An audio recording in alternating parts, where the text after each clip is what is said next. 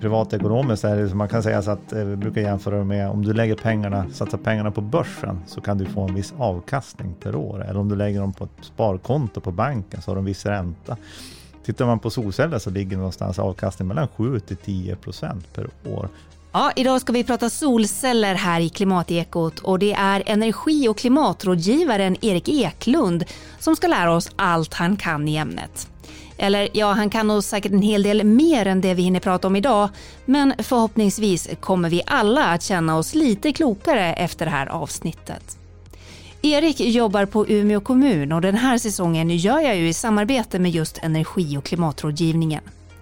Idag ska vi prata om hur man ska tänka om man är sugen på att skaffa solceller och vi ska också besöka en bostadsrättsförening som bestämde sig för att satsa på solel. Det här är Klimatekot och jag heter Elin Leonberg.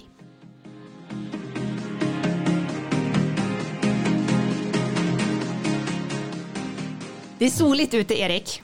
Yes. Mm. Eh, och det passar ju rätt bra, för vi ska prata solceller idag. Jajamän. Eh, och jag tänker så här, jag och min man vi satte upp solceller eh, på vårt hus för ganska precis ett år sedan. Så jag är ju redan helt såld. Alltså det är helt magiskt att få göra sin egen el. Vi hade ju massor av funderingar innan och det har dykt upp massor av funderingar efteråt. Och jag tänker att vi ska försöka ägna det här avsnittet åt att reda ut liksom stort som smått om solceller och sen ska vi även prata lite grann om solfångare. Vad är den vanligaste frågan ni får när folk ringer in och vill installera solceller? Bra fråga. Den vanligaste frågan, jag tycker jag upplever att många är nyfiken på solceller och säger liksom, är det här någonting för mig? Är det lönsamt? Eh, ska jag satsa på solceller? Jag har mycket tak. Är det någonting, och det jag upplever att, att intresset är väldigt stort och har varit det flera år faktiskt. En stor nyfikenhet kring solceller. Så den vanligaste frågan är väl kanske framförallt att är det lönsamt för mig att sätta upp det? För det handlar mycket om min, min privatekonomi när man installerar solceller och, och se att man tjänar lite pengar på det i slutändan och, och så bidrar till miljön också. Så att det, det är mycket de frågorna som, som vi får. Vad svarar du då? Är det alltid bra? Ofta är det ju en bra investering, så är det ju. Men man ska sätta det i, i, relation till andra saker. Och där brukar vi bolla med de som ringer till oss och frågar liksom vad, hur ser ditt hus ut? Vad har du gjort för andra åtgärder? Har du tilläggsisolerat, bytt värmesystem eller liknande? Och, se, eh, och kanske göra sådana åtgärder först som kan ge en större besparing än vad det är att tillverka egen el från sol till exempel. Det har ju blivit vanligare och vanligare som du säger, med solceller. Har du några liksom siffror på hur det ser ut nu? Jo, jag har siffror och man kan säga att nästan, om man tittar några år tillbaka, så har antalet eh, installerade solceller fördubblats i Umeå kommun nästan från år till år. Det har sagt av lite grann mot, mot slutet, men, men eh, man ser att det kommer mer och mer installationer. Det växer hela tiden, det är jätteroligt. Mm. Och nu nämnde du ju det, Umeå kommun, vi bor långt norrut. Ja, den, man, jag tycker man ofta hör den här funderingen, funkar det verkligen med solceller i Norrland? Ja, det gör det. det, gör det. Och tittar man, det, det som är skillnaden mellan Umeå och södra Sverige, så själva solinstrålningen är inte jättestor skillnad. Klart det påverkar vilket väderstreck du befinner dig på, men vi har ju sol under en mer koncentrerad period, speciellt under sommaren här, så att vi får mer solenergi då. Jämfört med södra Sverige så är det mer utspritt över året kan man säga. En sak som jag funderar mycket på det är ju det här med på vinterhalvåret och framförallt på våren. För man får ju ganska, det är ju ganska bra utslag om solcellerna är snöfria så här mars-april. Eh, men vi har ju ganska mycket snö, speciellt i år har det varit väldigt mycket snö. Får man skotta sina solceller? Alltså vi brukar säga att det är inte, vi rekommenderar inte att man gör det och det säger ju också de som säljer solceller rekommenderar inte att man ska göra det. Dels så utsätter du själv för en risk när du är uppe på taket. Solcellerna är de ska ju delvis tåla mycket, men de är ömtåliga. De är framförallt halkiga att kliva på. Och så fort det börjar bli lite blia, det börjar bli varmt ute och det svarta i solcellen kommer fram, så blir de snöfria relativt fort. Så det, det arbete du ska lägga ner på att få dem vad heter det, snöfria, eh, det, det är inte riktigt värt det. Men apropå det här med solen då, vi pratar ju solceller, men, men jag tänker, Eh, vad spelar det för roll vilket väderstreck ens hus står i? Måste man ha tak i söderläge? Bra fråga. Det är en, en, fråga som vi får. På tal om vanliga frågor så är det faktiskt en väldigt vanlig fråga vi får. Står mitt hus rätt? Spelar det någon roll och så vidare? Vilket väderstreck man sätter solcellerna och Ja, eh, man kan säga att det, det, spelar absolut roll, det gör det ju, men, eh, men väldigt lite. Alltså, tittar man på om man, det absolut optimala i Sverige, det har solcellerna rakt i söder med en lutning på 40 50 grader mot horisontalplanet, alltså mot marken då, helt enkelt. Och, och, men är det så att huset står sydväst, sydöst, så är det bara några procent man tappar i, i årlig produktion från, från det. Eh, det är också inte ovanligt att man sätter solceller i öster och väster heller. För solen går upp i öster och ner i väster. Och man tittar lite grann, när använder vi el i vårt hus? Ja, men det kanske är på morgonen eller på kvällen. Så då kan man försöka matcha sin, sin, eh, sin el, elproduktion från solceller utifrån sitt behov av el hemma också. Så det, mm. ja, det är ju riktigt smart, för att annars är det ju högstproduktion vi har dem i söderläge och då är det högstproduktion mitt på dagen såklart, mm. när ingen är hemma, så ja. då säljer vi den elen. Precis, precis. Mm. Men det är inte bara eh, att man ska ha rätt lutning och sådär, det finns ju även eh, sådana saker som träd, Mm -hmm. Dessa träd som helt plötsligt börjar skugga en liten del av eh, anläggningen. Hur ska man tänka kring de här träden? Vi har ju lärt oss att man inte bara ska hugga ner dem om man vill ha biologisk mångfald. Precis, träden gör ju mycket gott också, så, att, så är det ju. Eh, nej men det är precis som du är inne på, och det, det glömde jag säga tidigare, men det här skuggan är ju solcellens fiende nummer ett. Och det behövs bara lite skugga på solcellerna för att du ska få stort eh, energibortfall, alltså energiproduktionsbortfall. Och det kan räcka med en flaggstång till exempel, som skuggar delar av din solcell som får relativt stort eh, tapp. Då. Och det beror på att de här solcellerna är kopplade i serie, så att då slår du ut en, en hel sträng. Men det finns lösningar för det idag, så man, man kan få bort det där. Eh, men, men träden är ju en, en, jätteintressant fråga. Och vi har fått frågor om det där, liksom, ja, men hur ska jag göra? Jag har ett skugga, kan jag ta ner det här trädet och så vidare. Och är trädet på någon annans mark, ja men då får man ju prata med markägaren om man kan he ner trädet och liknande. Men, men, men träden fyller också, precis som du säger, en, en mycket bra funktion eh, utöver det. Så det kan vara värt att fundera igenom det också innan man tar ner trädet. Du har, det ju, tar ju upp väldigt mycket vatten, speciellt lövträd. Och ett stort, stor björk kan avdunsta 300-400 liter per dygn, som tar hand om mycket vatten i, som, som kommer från marken och regn och så vidare. Sen eh, skuggar de ju och kyler ner. Avdunstningen gör att det kyler ner också. Så att en varm sommardag så har du god nytta av träden på så vis. Också. Så att de, de uppfyller. Så det, är, ja, det är lite målkonflikt kanske, men, men ja, man får tänka till någon gång innan man tar ner träden. Tänker jag. Mm. Och vad tänker du om, om det där trädet står på kommunens mark? ja, Ja, då, då tycker jag då ska man ju ta kontakt med, med det är gator och parker på Umeå kommun som har hand om träden i stan och bolla med dem. Och där, jag tyckte jag läste det, jag är inte jättekunnig på det där området, men man får ta kontakt med dem och sen är det ju alla som berörs av trädet måste ju höras och liksom diskutera med dem. Vill man ha kvar det eller inte? Det måste, alla måste vara eniga att man ska plocka ner det trädet. Så är det. Jag har mm. förstått det rätt.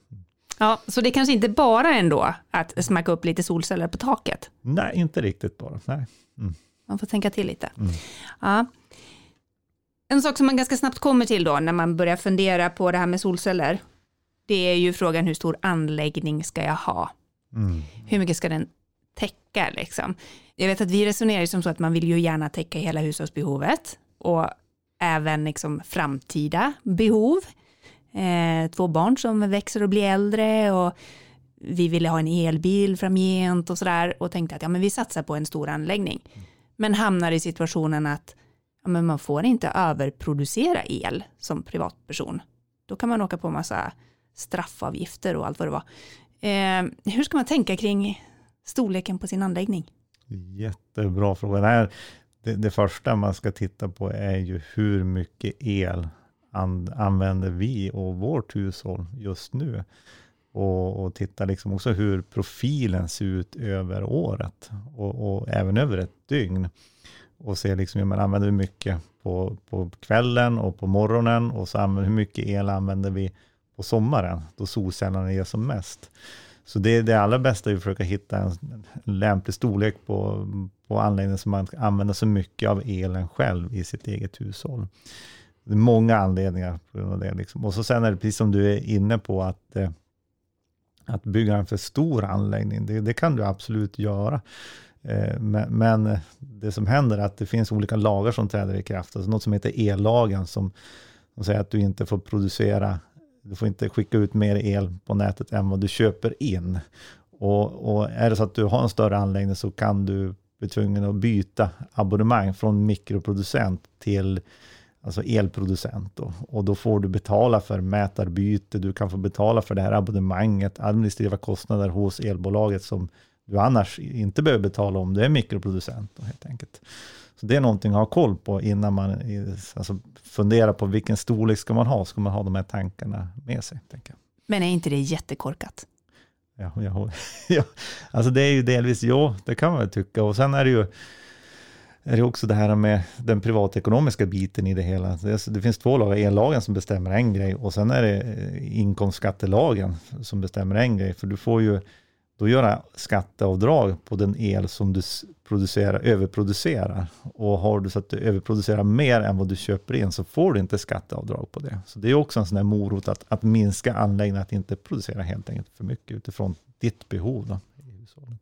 Men finns det någon anledning till att man inte vill att privatpersoner ska producera fossilfri el ut till elnätet? Bra fråga. Jag tycker det är konstigt.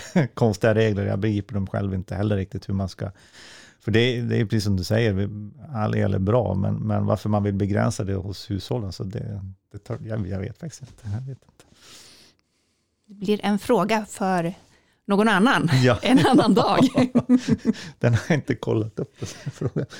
Nej, den, jag kan tänka mig att mycket, mycket är säkert politiskt och det brukar finnas ja, ganska det, mycket olika incitament bakom. Men jag har det, aldrig riktigt förstått logiken i det. Jag har inte in i det heller riktigt så mycket. Men det är en jättebra fråga. Alltså det där är, måste vi kolla upp känner jag.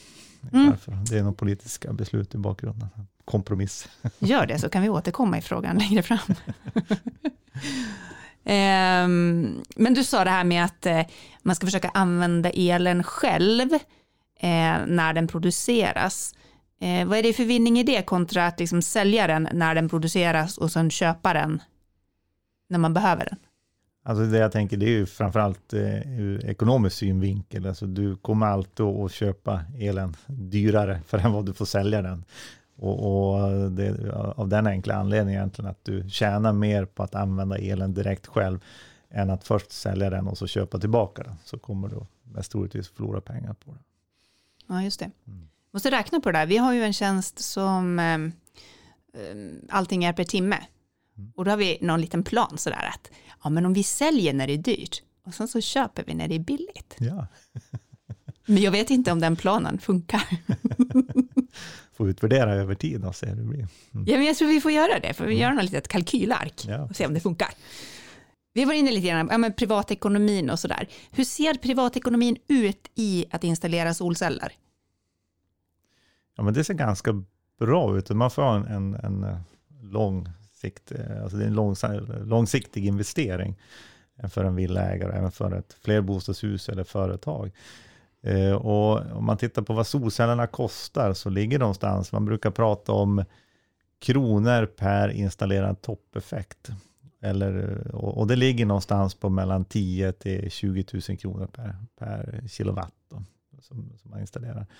Och, och det, är, det är egentligen den siffran man ska titta på. Då man jämför olika solcellsanläggningar inför ett köp, så det är den du ska jämföra. En del företag kan ju räkna på en typ payoff eller liknande, hur mycket sparar jag? Men man vet ju aldrig liksom vad har de tagit, vilka antaganden har de gjort i en sån kalkyl? Så den är det bästa måttet om man ska jämföra olika, olika offerter och olika solcellsinstallationer.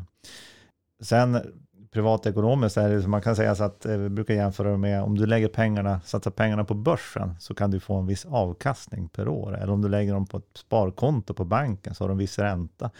Tittar man på solceller så ligger någonstans avkastning mellan 7 till 10 procent per år på investerade pengar. Nackdelen där är väl att du har låst pengar, du har lagt dem på taket, de ligger bundna i solcellerna, men du har den årliga avkastningen på dem. Det. För man brukar räkna ungefär var tio år någonstans för en normalstor anläggning att de har. Ja, och då kan du räkna, liksom, precis som du är inne på payoff eller, eller återbetalningstid, så ligger det någonstans mellan 10 till 15 år för en solcellsanläggning. Vad är de för största liksom, fällorna man kan hamna i när man ska installera solceller?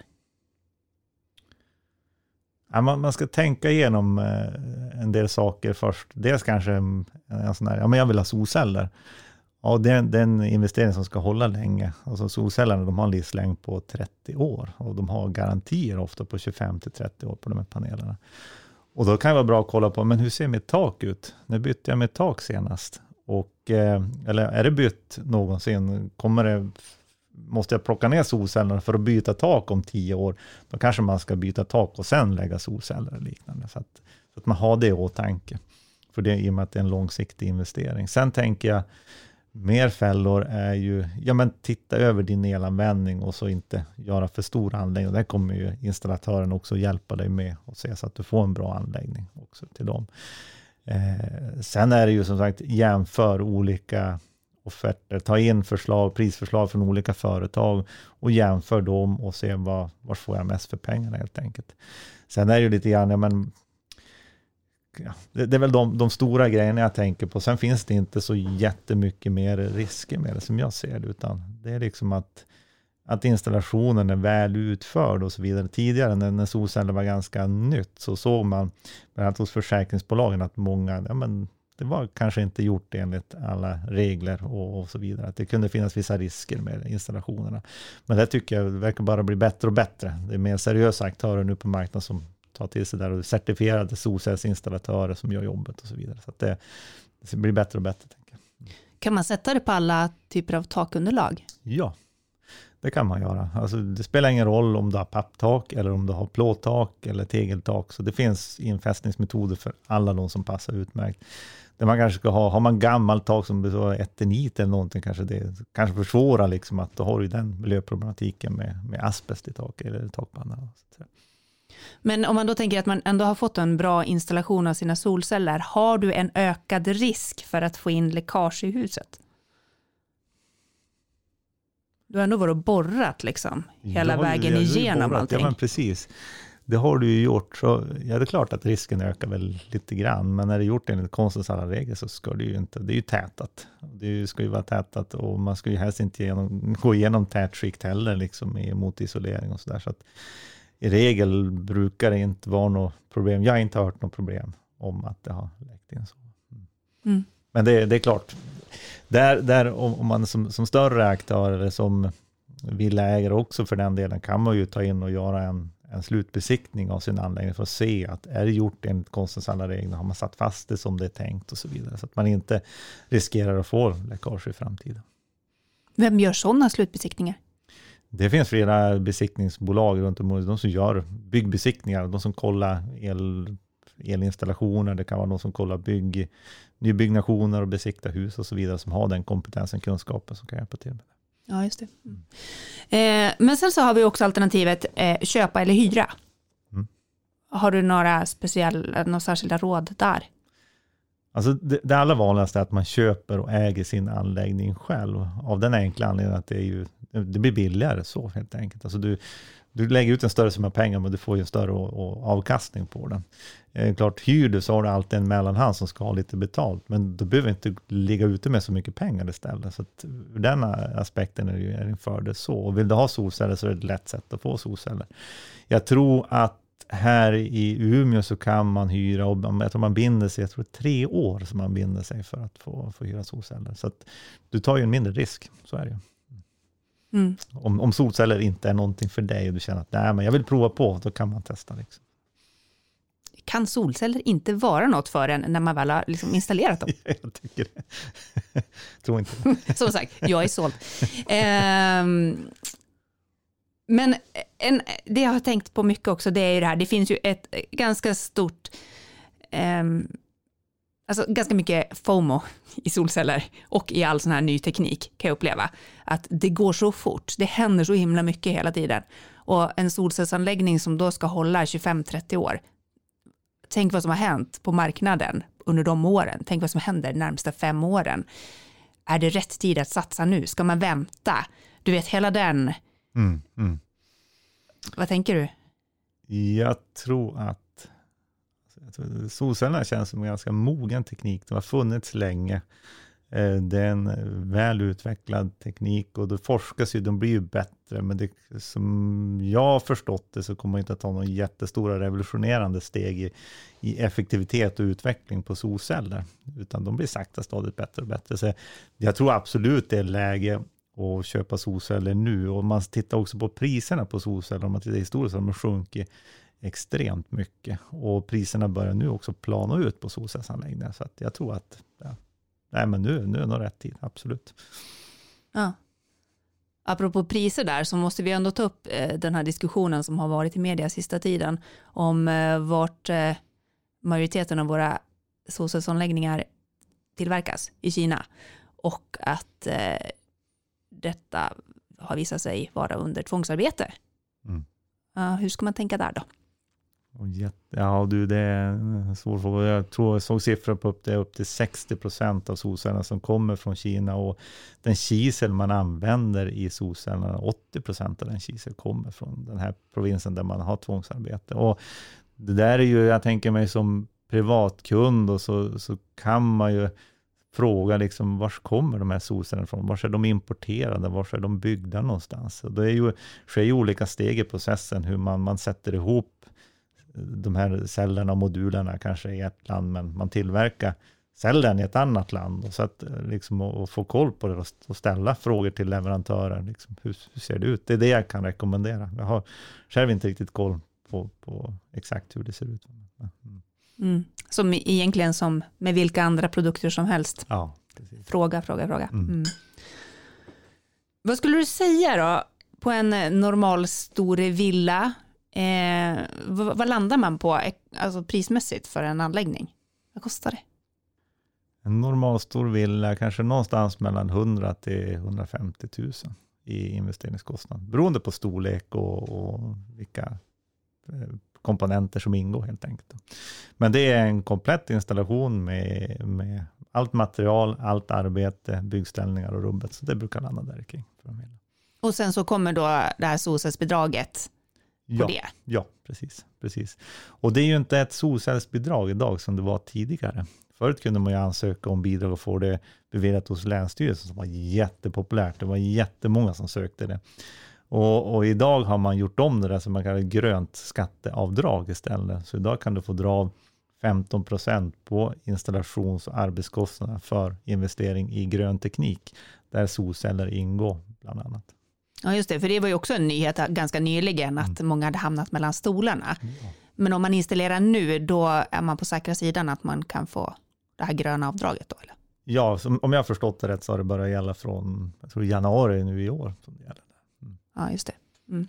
Eh, och visst kan man numera också få eh, bidrag eller ersättning eller någonting för eh, batteripack och så?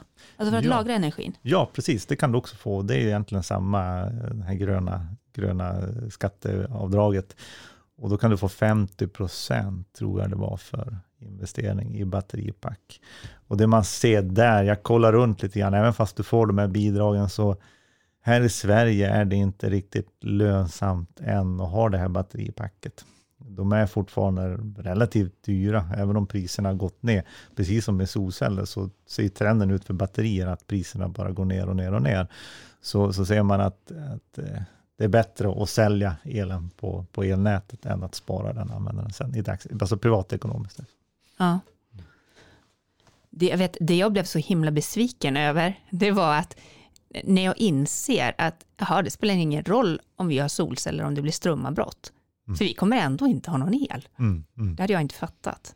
Nej, och det där det har jag hört flera också säga. Det, man tänker sig att det finns ju flera olika anledningar till varför man skaffar solceller. Och det där, vi hade ett seminarium här för några år sedan, där vi, då, då vi fick träffas fysiskt. Det känns så länge sedan, men då vi fick liksom, vi, man fick berätta i rummet, varför är du här? Vad är det som driver ditt intresse kring solceller? Och många valde att själv få producera egen el, alltså hushålla med energi och så vidare. Vad, vad, vad kallas det när man är självhushåll. Det var liksom en, en stark drivkraft för många. Sen var teknik och ekonomi var också drivkrafter. Eh, och det ser man liksom, just precis som du säger, att den här solcellsanläggningarna som är anslutna till elnätet måste ju ha att elnätet är igång för att de ska funka. Och det skapar ju, när elnätet får ett strömavbrott så kommer de inte producera el. Och, och det är av säkerhetsskäl så att de här solcellerna inte ska putta ut ström på elnätet. Om det är någon stackare som ska jobba med det där elet och laga det också så, så att de inte får strömmen gå åt det hållet. De vill kunna stänga elnätet helt. Så det är en säkerhetsgrej på så vis. Sen vet jag, man tittar på lösningar också, eller man, jag tror att det finns särskilda system där du kan ställa om det typ till ödrift så att du kan köra det enbart i huset också. Men jag har lite sämre koll på den biten. Det är på gång. För det, det är en intressant fråga. Man vill kunna använda el från solen även om man inte har ström i huset. Mm. Men visst är det så också att man inte i Sverige får vara off-grid?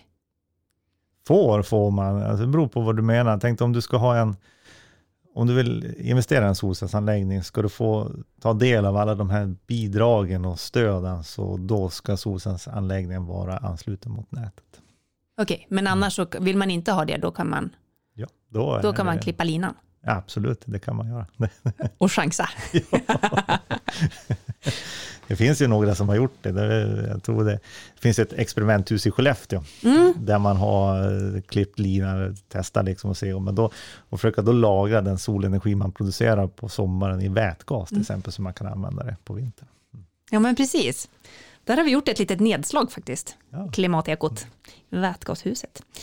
I många länder, jag tror att det är i Indien bland annat, eh, där man sätter solceller på taken. Eh, I väldigt fattiga områden så har man liksom en, två paneler på sitt lilla tak eh, och så, så har alla grannarna likadant och sen så kopplar man ihop det i små mikronät liksom, mm. med grannarna. Och så turas man om, så om någon behöver använda lite extra el så, där, så kan det tas från grannarna och sådär. så, så, tror du att det här är någonting som kom, kan komma även här?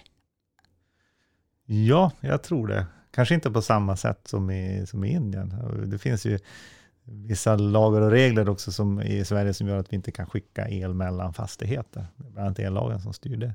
Eh, och, och, och, då blir det liksom, du måste betala energiskatt och sådana grejer när du gör det. Men jag tror att jag tror utvecklingen går lite grann mer mot de här microgrids, som har gjort ex, experiment på det här i Sverige också, där man tittar på hur kan vi nyttja den den energiresurser som finns i ett bostadsområde på så smart sätt som möjligt. Det gäller inte bara el, det gäller värme också. Där man har olika typer av byggnader, man kan dra nytta av varandra på olika sätt. Och en, en där har ett stort elbehov, en annan har mindre och så kan man dela av köpa energi av varandra. Alltså när man tittar på någon slags lokal energimarknad eller liknande, där man kan köpa och sälja el med varandra. Så det tror jag, tror jag kommer att komma. Kanske eh, först bland de lite större aktörerna att man vill testa där man har väl utbyggd infrastruktur och då framförallt mot värmesidan. Sen tror jag det här kommer att, att komma på el också så småningom. Men vi är inte riktigt, inte riktigt där än. Så. Jag tänker att man kanske borde lös, kunna lösa en del av problematiken med elöverföring, eller? Vi har ju ändå en sån problematik i Sverige med att vi inte kan skicka elen. Precis, alltså om man ser det helt rätt. Vi har ju här i Norrland, vi har ju gott om el. Vi har vattenkraft, vi har vindkraft, vi har stora resurser. Problemet är att eh, vi ska skicka den elen ner till södra Sverige. Där har vi flaskhalsar i vårt stomnät, så vi kan inte skicka den, den, den effekt som behövs. Då. Lika bra. Så att eh, och, och, det kan man också titta lokalt. Det beror på vilken systemperspektiv man sätter på det, men inom vissa områden eh, kan det också finnas då kapacitetsbrist som det kallas. Och då skulle man ju kunna stötta upp det med hjälp av lokal produktion i form av solceller exempelvis. Speciellt nu när man säger att det kommer mer elbilar som behöver laddas och när ska du ladda dem och vilken effekt behöver de? Hur snabbt måste du ladda din elbil? kräver ju högre effekt och så vidare. Så det, där kommer nog komma komma intressanta, eller det måste komma bra intressanta lösningar på det. Jag. Det har blivit vanligare också vad jag förstår att bostadsrättsföreningar väljer att satsa på solceller. Mm. Jajamensan, och vi har hjälpt och varit i kontakt med ett antal föreningar som har både installerat och visat intresse av att installera solceller. Och ett exempel där vi hjälpte en förening ända från idé till faktiskt installation har vi varit med och, och följa deras resa, stötta, ge dem rådgivning allt eftersom. Och det var en jätteintressant resa. Allt från det att idén kom till och liksom vad ska vi ha för solceller och då kom det liksom fram den här frågan, de hade fått en offert. Liksom, ja, ja, men det ser ju bra ut. Och sen visar det att solcellerna i de här blåa varianten, det ville de inte ha. De ville ha den svarta varianten, alltså monokristallina solceller. Det var liksom så här först, ja men det är bra vi kollar, jämför, och ser vad är det vi faktiskt köper för någonting. För det var ju liksom, ja men blåskimrande, de tyckte inte det var snyggt helt enkelt. Det var första grejen vi hjälpte dem med. Sen var det ja, men allt eftersom alla tillstånd och, och, och, kontakt med leverantörer och jämföra offerter hjälpte vi till med där. Och, de var, och som jag förstått idag så är de ju jättenöjda med sin installation och de har liksom, det, det, det spar pengar för dem helt enkelt. Det är jättekul. Mm. Kan det vara Kungsgården Jajamän. du pratar med? Vi ska faktiskt, eh, jag har varit och pratat med Tore som var med när det här eh, initierades, det här projektet. Eh, vi ska höra lite grann hur han resonerar kring deras installation. Bostadsrättsföreningen Kungsgården i Umeå är en av alla föreningar som nu har valt att satsa på solceller. Det här är ett relativt nybyggt område som består av sex tvåvåningshus med totalt 48 hushåll. Husen var klara för inflyttning 2016 men idén med solceller kom först ett år senare. Tore Karlsson var med från start. Vi hade ganska god ekonomi och förstod att vi, i och med att räntorna är så låg, det var ju baserat på lite högre räntor men de, vi, vi, de var ju redan från start lägre än vad som var beräknat och då såg vi att det här, ja, vi får ha, ha ganska bra ekonomi och då var det en i styrelsen som, som ja, började prata om det. Varför skulle vi inte kanske satsa på solceller? Och då var det en av styrelseledamöterna som tog kontakt med Erik var det väl så det började. Och då kom han vara med och informera oss lite grann vad, vad det innebar. Och vi var ganska, hade inte så bra koll på vad solceller var. Så att det var på den vägen var det. Försommaren 2019 började panelerna sättas upp. Anläggningen är på totalt 56 kilowatt, vilket gör föreningen självförsörjande på fastighetsel. Om man däremot vill utöka anläggningen och även ta med hushållsel så måste man först hitta en rättvis modell för att fördela solelen eftersom olika hushåll använder olika mycket el. Men om man hittar en bra lösning så finns det kapacitet att bygga ut anläggningen eftersom bara hälften av all takyta i nuläget täcks av solceller. Ska vi gå och kolla lite grann hur ja. det ser ut? För det här det är direkt söderläge på husen va? Ja, det är det. Mm. Och ganska bra lutning på taken Ganska också. bra lutning. Det är inte optimalt, det är väl 45 grader men 23 grader har vi på våra lutningar på våra hus så det är ganska bra. Men ingenting som skymmer. Vi hade väl i, i väster, de där björkarna, gjorde vi väl någon eh, form av storstudie och se hur mycket de växer upp. Men det ska vara, det, det är så lite de skymmer då. Då går ju solen ner på kvällen i väster. väster. Så att det är, det, det är försumbart lite som skulle skugga. Men annars har vi ingenting som... som Precis.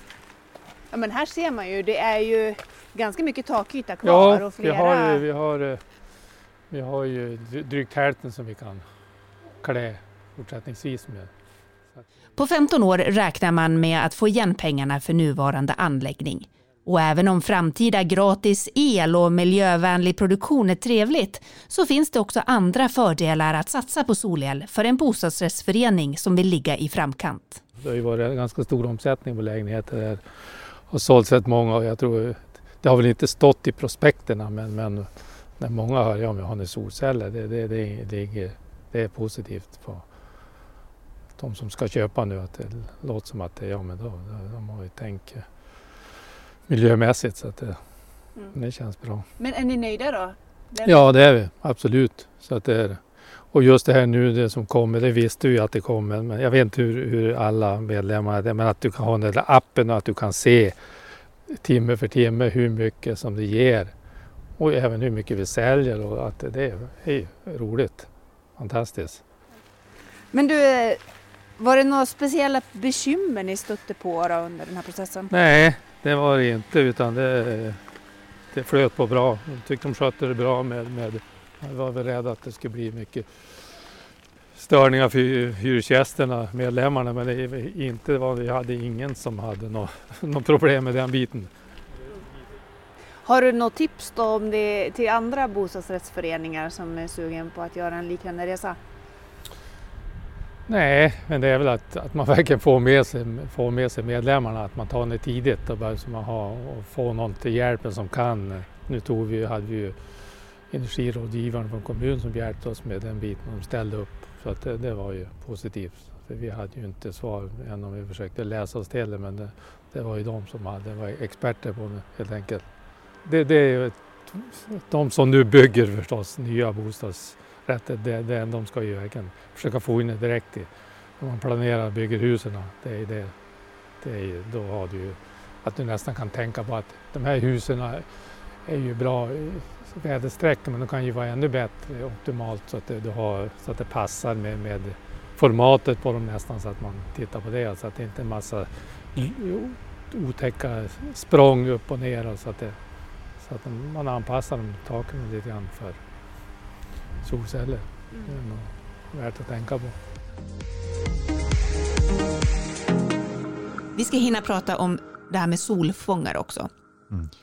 Eh, och då får du börja med att förklara skillnaden mellan solceller och solfångare. Ja, och solceller, det omvandlar då ljus till el. Och eh, solvärme, det tar tillvara på den värmestrålning från solen. Och, och, man värmer vatten eller man värmer luft. Och det finns både solfångare som man skickar in en tank av för varmvatten eller luft som man kan skicka in i sin sommarstuga eller använda till andra olika saker. Så det finns tre typer av sol vad kallar, man kallar det solfångare, solceller, solfångare och luftsolfångare. Okej, så det är både solfångare och luftsolfångare? Ja, precis. precis. Och de ena värmer luften då som det låter och de andra värmer varmvattnet? Ja, jajamän. Kan du liksom koppla de här till din befintliga bergvärmepump? Gör det någon skillnad eller hur? Det finns sådana lösningar, absolut. Så det, att, att du sätter en, en eh, vätskeburen solfångare kallar det, på ditt tak som du leder in till din värmepump som du kan stötta upp den med, extra värme när solen skiner. Du kan också koppla in den här solfångaren direkt till en stor varmvattentank i ditt hus som gör att du har i stort sett gratis varmvatten hela sommaren exempelvis. Och det där är någonting, kan när jag började jobba med energifrågor för en drygt tio år sedan så var solfångare ganska hett område. Många, eh, fanns en del installatörer både lokalt och, och nationellt som marknadsförde sina paneler och vi har ordnade event där man tittar på solfångare för att värma sitt hus. Det där har liksom försvunnit bort. Man, det, det, är väldigt ovanligt att man, man sätter in solfångare idag faktiskt för att producera varmvatten. Eh, de är det är en jättebra lösning. De är väldigt effektiva. Effektivare än, än solceller om man ser på verkningsgraden. Så av den värmeenergi som kommer in från solen så ungefär 50 procent av den kan du göra det till godo till varmvatten. Så att, men varmvatten kan du inte använda till lika många saker som du kan göra med el. Det är det som är nackdelen. Men varför tror du att den här minskningen har kommit då? Jag tror att en anledning är att om man tittar några år tillbaka så hade många system i sitt hus där man eldade med pellets, man eldade med ved och så vidare. Och det sådana system vill du ju helst inte vill stå och slänga in massa vedklabbar mitt i sommaren för att du ska duscha. Utan då antingen körde man på el eller så kopplade man anslöt man då solfångare för att få sitt varmvatten och kunna elda mindre, vilket var en väldigt bra, bra lösning till ett sådant system. Så det tror jag är en anledning. Eh, och idag är det många hushåll som har värmepumpar istället som går på el där man, där man kör liksom, och då, är det bättre, då kan man producera el och stötta upp värmepumpen så istället. Okej, men är det lönt om du har fjärrvärme eller bergvärme installerat exempelvis? Är det lönt att ha solfångare? Nej, jag tror inte, jag tror inte det. Ja, det måste jag räkna på med i så fall, men jag tror inte att det, det lönar sig. Och så det, jag tror också att, det, att solceller har blivit betydligt billigare jämfört med de förut, som har också skapat stort intresse kring solceller. Det är det man vill satsa på. Just att elen kan användas till så mycket mer saker. Den att man säger, de har ett högre värde, den energibäraren, än, än, än värmen. Då.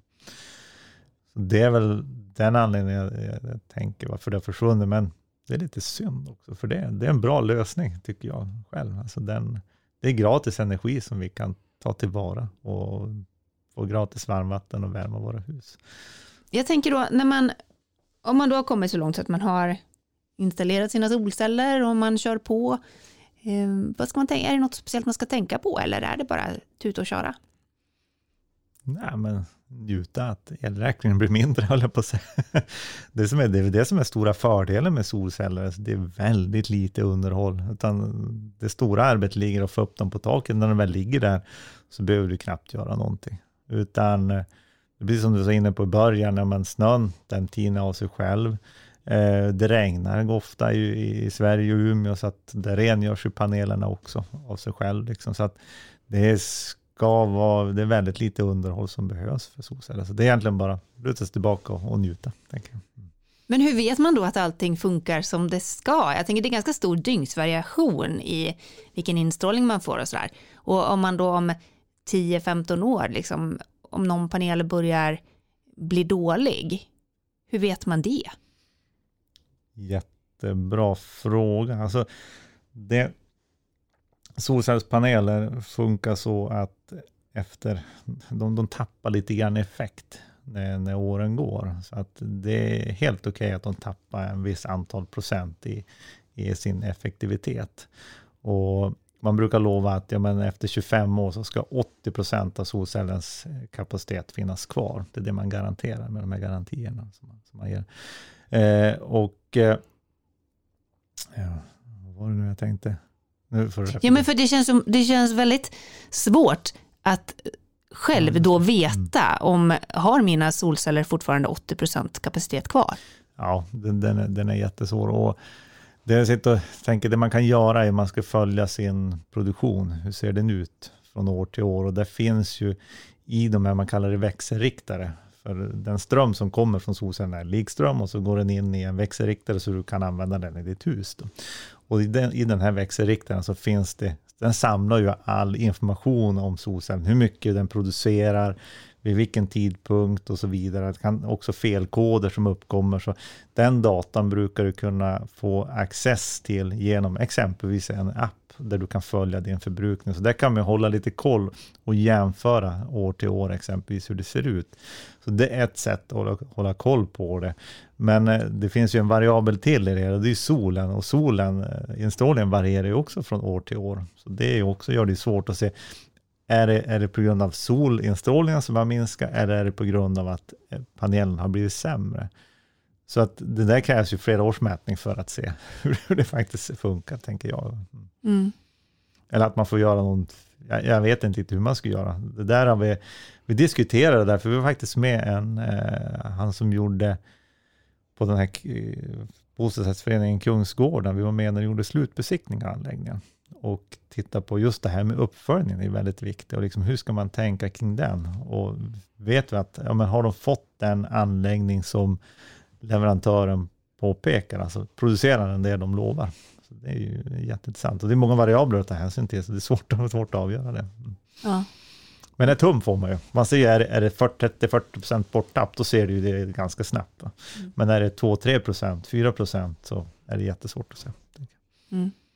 Jag tänker att vi ska bli bara lite nördiga också, för som sagt det är otroligt många beslut som ska tas. Eh, och du nämnde här blå eller svarta solceller. Mm. Beskriv skillnaden på de där. Skillnaden är, det, det, vi, vi, kan börja benämna dem. Den, den blå kallas för polykristallina och den svarta kallas för monokristallin. Sen finns det amorfa solceller, det är tunnfilmsolceller som man kan böja och så vidare, lite, lägga lite överallt. De är inte lika vanliga, men det, de där poly och monokristallina är de, de flest, mest vanligaste solcellerna som finns på marknaden idag. Skillnaden är att den monokristallina är lite mer effektiv.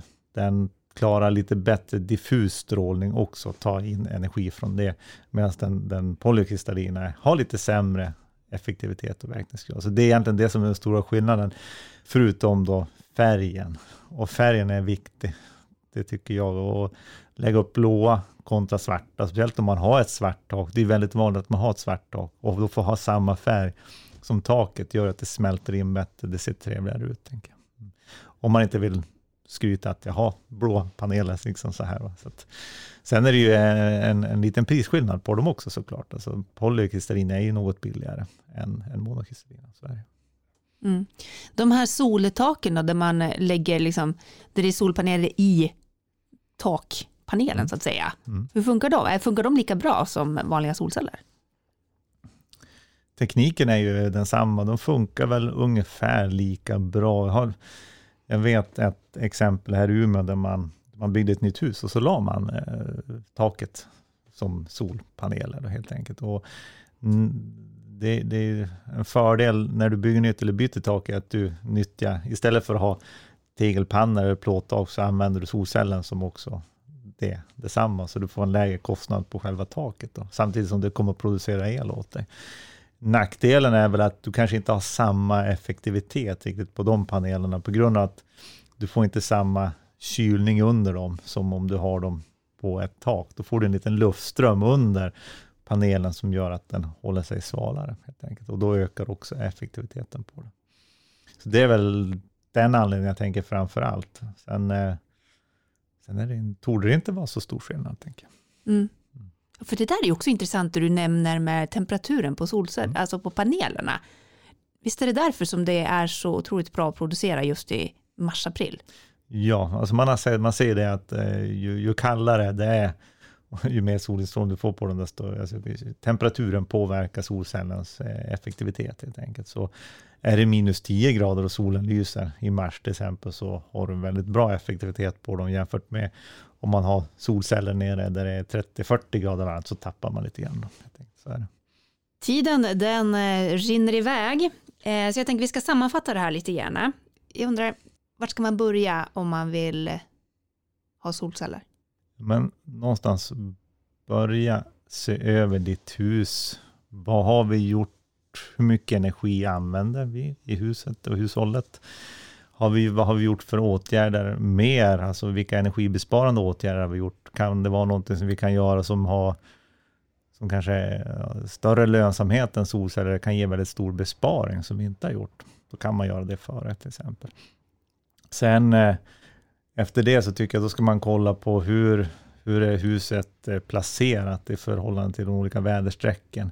Finns det någon skugga på taket som kan, kan störa en eventuell solcellsanläggning? Finns det skorstenar och stegar på taket som man måste ta hänsyn till när man då ska projektera anläggningen, så man ser hur, hur mycket rymmer vi på taket, hur stor anläggning kan vi ha? Och, och sen också som vi var inne på, kolla elanvändningen och, och möjligheter för det. Sen är det egentligen bara att och sätta igång. Ta reda på den där informationen om elanvändning, din takyta, lite ritningar och så begära in offerter från lite olika leverantörer, installatörer, antingen lokalt eller nationellt och se och jämföra dem och utifrån det ta beslut om, om man tycker att det är en bra åtgärd eller inte.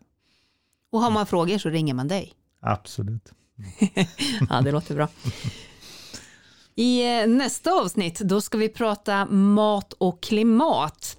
Måste vi alla bli vegetarianer och veganer? Hur lagar man mat som är i säsong och ska man välja ekologiskt eller närproducerat? Det är så många frågor, men Märta kommer hit och ska reda ut allt och hon får det alltid att låta så himla lätt. Så förhoppningsvis så kommer vi att känna oss lite tryggare med maten när jag har pratat klart med henne. Missa inte det och fram tills dess njut av solen och kanske kommer du rent av att drömma lite om en framtida solcellsanläggning. Ha det gott och tack som har lyssnat!